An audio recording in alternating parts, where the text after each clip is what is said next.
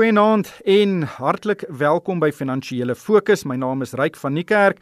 Dit is 3 Januarie 2021. Ons is in 'n nuwe jaar en ek wil alle luisteraars en ook die twee gaste wat aan vanaand se program gaan deelneem 'n baie baie voorspoedige 2021 toewens.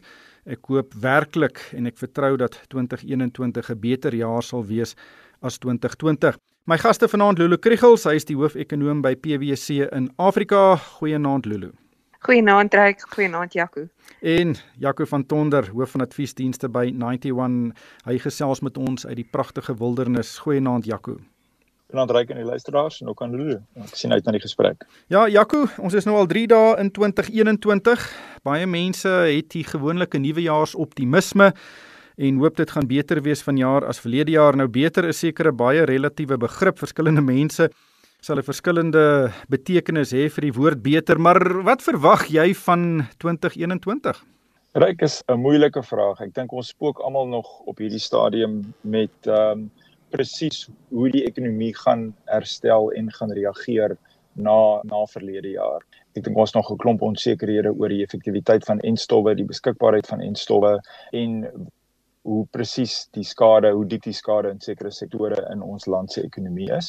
So ek dink dis die eerste groot vraag wat ek dink ons by die begrotingsrede in Februarie meer data oor sal kry wanneer wanneer die staat weet meer inligting beskikbaar stel oor presies wat die groei nommers was uh, in 2020 en hoe die ekonomiese sektore in 2020 gereageer het op COVID. En ek dink ons kyk vorentoe met met 'n groot klompie vraagtekens rondom ek dink die, die land se finansiële posisie, die fiskale beleid wat ons in die toekoms gaan volg, die politieke onderstrominge binne die ANC en wat nou dink ek tot 'n spits gedryf is deur deur die krisis van verlede jaar, 'n groot klompie moeilike politieke besluite is regtig waar nou op ons voordeur waar ons miskien as die COVID krisis nie daar was nie, het ons miskien nog 'n jaar of 2 of 3 gehad om van hierdie kritieke probleme moeilike besluite te neem, maar maar eh, waar ons vandag staan dink ek is 2021 die jaar waarin hierdie aspekte daadwerklik werklik aangespreek gaan moet word vanaf die ANC se kant. So ek dink dit is gaan ook 'n interessante perspektief wees wat ons uh deur die jaar sal moet dophou want dit gaan die ekonomie en op die einde van die dag dan Suid-Afrikaanse markte tot 'n groot mate dryf. Ja, nog 'n uitkoms daarvan is dat hooplik versnel dit ongewilde besluite, besluite wat die afgelope paar jaar geneem moes word, maar nie geneem is nie en en hopelik is daar daarmee 'n positief daarin dat die ekonomiese herstrukturering vinniger plaasvind as wat dit voorheen die geval sou wees. Maar Lulu, wat verwag jy van 2021?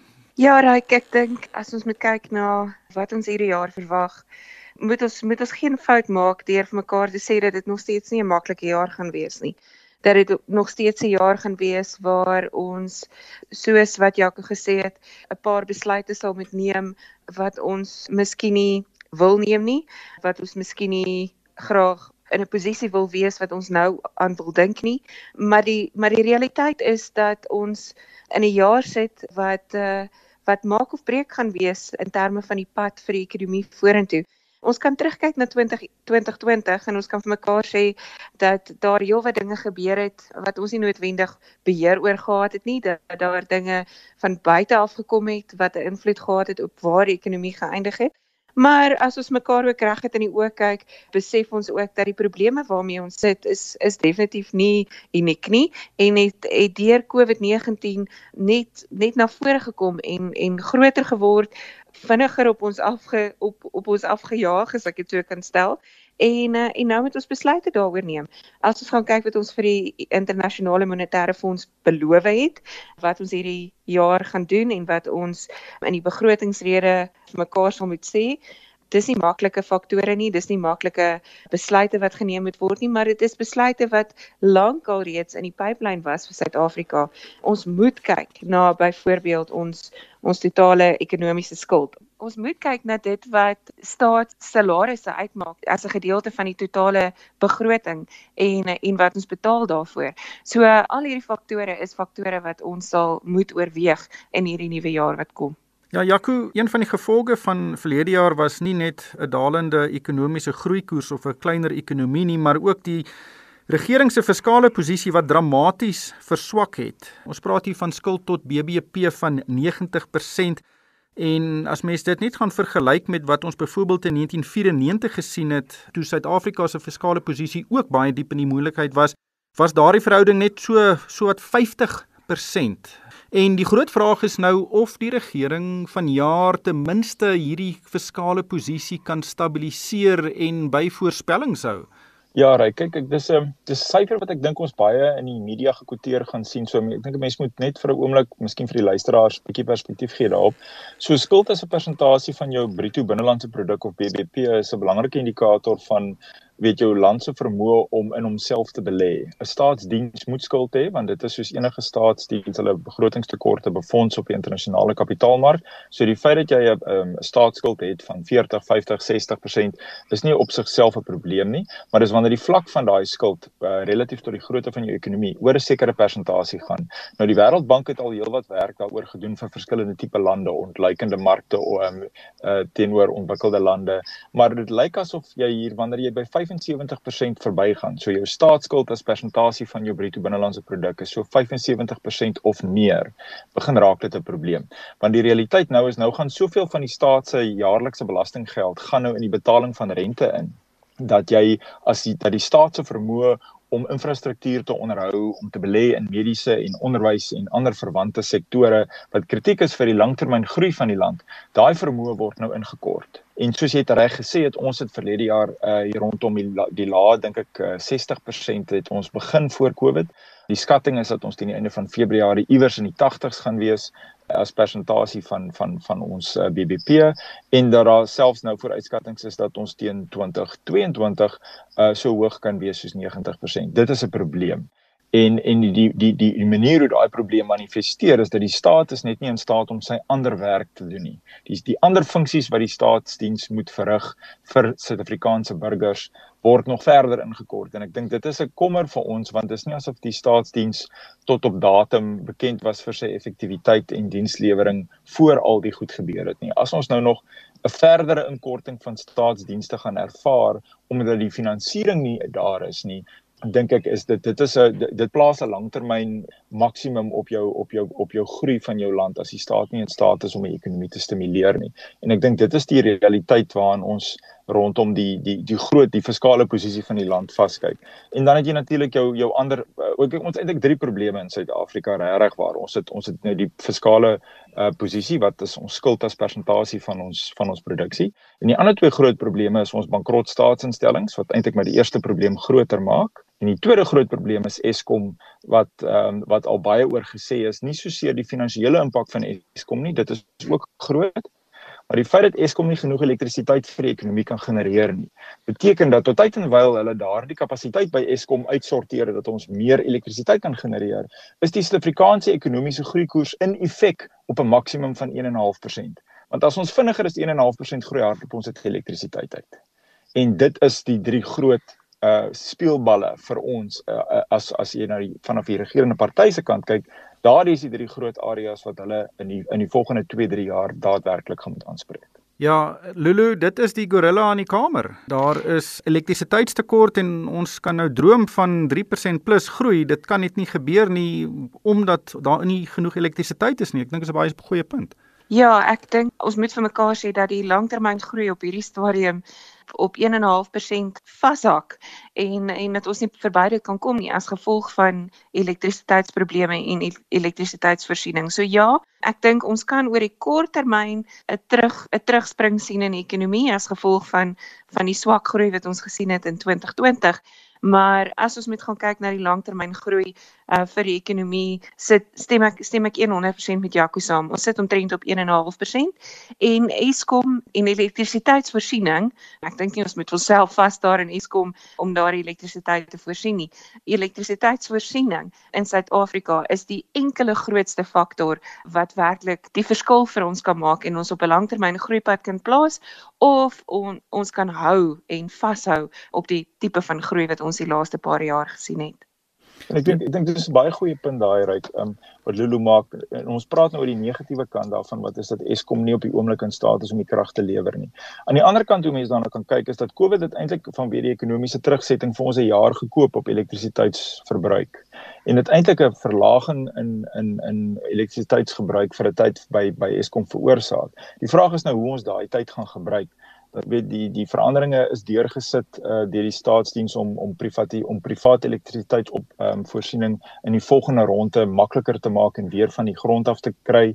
Ehm um, ek dink die die hele die hele omgewing, daar's 'n omwenteling in groen elektrisiteitsgenerering uh, het sy dit nou sonpanele of verwante strukture of wind is. Ek dink daar gaan as ons hierdie jaar daadwerklike vorentoe daadwerklik vorentoe kan gaan in die finansiering en die en die goedkeuring van projekte wat elektrisiteit met met groen uh, strategieë kan opwek. En ons kan daardie projekte implementeer teen 2023 kan jy kry dat ons ekonomiese groei van 2023 af kan asemhaal dat ons kan meer elektrisiteit beskikbaar hê en dat ons daardie beperking wat ons heidaglik het uit die patte kan kry. Maar 2021 vanjaar is absoluut kritiek om daardie uitkomste in 2023 te kan vervaardig. Want ongelukkig duik hierdie ehm um, weet energie genereringsprojekte ehm um, genereer nie elektrisiteit in die eerste 12 maande nadat hulle goedgekeur is nie. Die projekte neem 2, 3, 4 jaar om van die grond af te kom en dis vir die vinnige projekte. So 2021 is kritiek vir ons om die regte besluite te neem en die goedkeurings te gee vir die projekte wat vanaf 2023 vir ons elektrisiteit kan lewer. Ja, elektrisiteit is een van ons strukturele probleme en ek dink jy's reg. Hooplik het hierdie krisis die die regering se politieke wil om so gou as moontlik hierdie projekte goed te keer bietjie aangehelp en hooplik sien ons dit eerder vroeër as later. Die proses het verlede jaar al begin. So ons sal moet kyk wat gebeur en dit sal ook vir Suid-Afrika 'n groot hoeveelheid belegging meebring. Dis iets wat ons desperaatlik nodig het. Is belegging want uh, dit het basies tot stilstand gekom die afgelope paar jaar en veral verlede jaar. Lulu, wat 'n verskil kan dit maak vanjaar? Dink jy ons sal dalk 'n uh, toename in belegging kan sien? Wel ek ek sou so hoop, maar ek ek dink ook ons moet realisties wees met mekaar as ons gaan kyk na byvoorbeeld uh die einde van verlede jaar of Oktober maand verlede jaar se beleggingsbyeenkoms wat ons gehou het. Die vooruitskouings en die beloftes wat op daardie tydstip gemaak is, was aansienlik minder as wat ons in vorige jare gesien het. Ons moet ook weet dat ons met 'n klomp ander lande meeding wat baie soos ons is en baie dieselfde kan bied op hierdie stadium. As 'n mens gaan kyk na byvoorbeeld die relatiewe opbrengs wat jy kan kry as 'n belegger in in baie van hierdie lande. Daar's heelwat lande wat so Suid-Afrika lyk. Like. Daar's heelwat lande wat dieselfde doen as Suid-Afrika of beter doen, kom ek stel dit so. En wat eintlik met minder uh politieke onderstrominge sit as wat ons mense sit op hierdie stadium. So ons is saam met almal van hulle in die mandjie en beleggers kyk en en moet besluite neem. As 'n mens gaan kyk na privaat kapitaal is daar heelwat geld wat 'n huis soek en 'n plek soek om te belê as 'n mens gaan kyk na langtermyngeld van van ander regerings en van ontwikkelde lande, is dit egter 'n ander situasie. Ons het die afgelope paar maande gesien dat lande soos byvoorbeeld die Verenigde Koninkryk wat groot bedrae geld in Afrika belê het, uh definitief gaan moet kyk oor die volgende paar jaar wat hulle gaan moet doen en waar hulle geld moet heen gaan. So uh, vanuit die privaat sektor, ja, daar's heelwat geld. Uh daar's heelwat geld wat huise soek, maar ons sal ons sokkies moet optrek en ons sal beter moet doen as uh as baie van ons uh kompetisie wat op hierdie stadium daar buite is. Ons sal beter moet doen in terme van uh die langtermyn volhoubaarheid van projekte. Ons sal beter moet doen uh rondom die politieke wil wat daar bestaan om buitelandse beleggers te lok na Suid-Afrika toe en ons sal beter moet doen in terme van die risiko versus die opbrengs wat ons kan bied vir buitelandse beleggers wanneer hulle kyk na na plekke om hulle geld te sit. Nou Jaco, dis 'n kwessie van vertroue, veral in die privaat sektor. Uh, entrepreneurs gaan nie belê in nuwe ondernemings as hulle nie dink hulle kan geld maak nie. En ons het verlede jaar gesien hoe 'n groot aantal ondernemings, veral jou kleiner ondernemings, hulle deure moes sluit. Maar waar ek bly in Johannesburg, het het 11 restaurante het ek getel toegemaak net na die Grendeltyd, maar sedertdien het daar verskeie nuwe restaurante verskyn. Dit is ander entrepreneurs wat gedink het, "Wel, hier is 'n geleentheid" en hulle het geld uh, in daardie besighede gedruk. Ons moet net sien dat meer ondernemings die vertroue het om dit te doen. OK, kyk, die die hartklop van 'n privaat sektor in enige ekonomie is beleggingsvertroue en dit gaan maar oor vertroue dat die omgewing waarin jy funksioneer verantwoordelik bestuur gaan word, dat die wette toegepas gaan word en dat uh, jy 'n mate van voorspelbaarheid het rondom rentekoerse want dit is wat belangrik is vir finansiering van van nuwe privaat sektor projekte. So ek ek, ek dink met enige krisis is daar altyd twee kante. Jy jy mense voel jammer vir die besighede wat voor die krisis uh, 'n marginale besigheid was wat net net oorleef het en wat toe nou as gevolg van die krisis ongelukkig moes deure toemaak. Maar die ander kant van daardie munt is dat elkeen van daardie skep weer 'n geleentheid in die mark want wanneer daardie wanneer wat ook al die faktor was wat die beperking veroorsaak het in ons geval was dit nou COVID en die virus en die beperking op ekonomiese aktiwiteit, wanneer dit begin uh, wegbeweeg, dan gaan daardie die, die, die ekonomie uh, gaan weer teruggaan waar hy was en ewe skielik het jy die vraag na daai produk wat weer gaan terugkom en jy het nuwe mense wat net eenvoudig in daardie plek gaan gaan inkom om daai vraag te lewer. So uh, hoe kleiner die besighede oor die algemeen hoe makliker is dit om weer van van die begin af die besigheid in die gang te kry. Jou groter industriële sektore waar jy groot fabrieke en en kapitaalinvestering nodig het vir die bou van groot industriële uh, vervaardigingskapasiteit. Dit is dit vat langer om op die been te kry en ek dink dis daardie projekte uh, as ons van daai groot projekte aan die gang wil kry in Suid-Afrika is langtermynbeleggingsvertroue en 'n mate van voorspelbaarheid rondom ons rentekoersstrategie in die toekoms is absoluut kritiek en daar kom natuurlik weer eens die staat se finansiële posisie kom in want uh, die kapitaalmark wat eintlik maar die opbrengste is op jou staatseffekte is 'n groot bepalende faktor van rentekoerse in jou ekonomie. En jy jy moet 'n stabiele vooruitskatting hê op wat jou langtermyn staatsrentekoerse gaan wees en waarteen jou kapitaalmarkinstrumente gaan verhandel en daar kom die Suid-Afrikaanse fiskale posisie weer in. So dit bly elke keer weer deur die weet as jy, jy jy gaan in 'n spesifieke rigting jy wil die ekonomie graag bou maar as jy omkyk dan dan is die die die skuldlas van die staat elke keer in die vertrek. En dit is op hierdie stadium is die onsekerheid van hoe ons daai skuldlas gaan aanspreek dink ek is wel van die privaat sektor nie hou nie en en dit is goed daardie wat lei tot inperking in beleggings. En ek dink hoe vinniger die staat dit kan aanspreek hoe vinniger kan jy die privaat sektor kry om nog meer en groter bydraes te lewer tot die herstel in die ekonomie. En ek dink dis graag wat ons wil sien. Ons wil daai bal sien vorentoe rol ons wil hom nie sien terugrol nie. Lulu net laastens in 'n minuut wat is jou verwagtinge vir rentekoerse op die kort en medium termyn? Korttermyn sou ek sê ons gaan waarskynlik bly waar ons is. Ek dink uh, die reservebank het verlede jaar met die gedagte nog gespeel om rentekoerse verder te verlaag. Uh persoonlik dink ek dat hulle verby daardie punt is en dat hulle nou plek is waar hulle eers wil kyk wat die impak is van dit wat hulle wat die verlagings wat hulle reeds toegestaan het. Uh, dit was van die mees dramatiese wat ons nog ooit gesien het en oor die kortste tydperk ook. So ek dink ek dink hulle wil op hierdie stadium eers kyk wat is die impak daarvan oor die medium termyn ek dink ons moet onsself begin regmaak dat die rentekoers siklus aan die omdraai is as ons kyk na uh later van die jaar, miskien vroeg volgende jaar, kan ons begin sien dat rentekoerse stadig maar seker opwaarts kan begin beweeg, maar met baie klein in inkremente en ek sien ook nie 'n dramatiese verhoging op hierdie stadium in rentekoerse in die vooruitsig nie. Ja, tans is ons rentekoerse op sy laagste vlak in bykans 50 jaar, so dis regtig baie baie naby aan die onderpunt van daardie siklus. Maar ongelukkig het die tyd ons ingehaal. Baie dankie aan Lulu Kriel, die hoofekonoom van PwC in Afrika en Jaco van Tonder, hoof van adviesdienste by die Batebestuursgroep 91. En vir my ryk van die kerk, dankie vir die saamluister en ek hoop almal het werklik 'n winsgewende en 'n uiters voorspoedige 2021.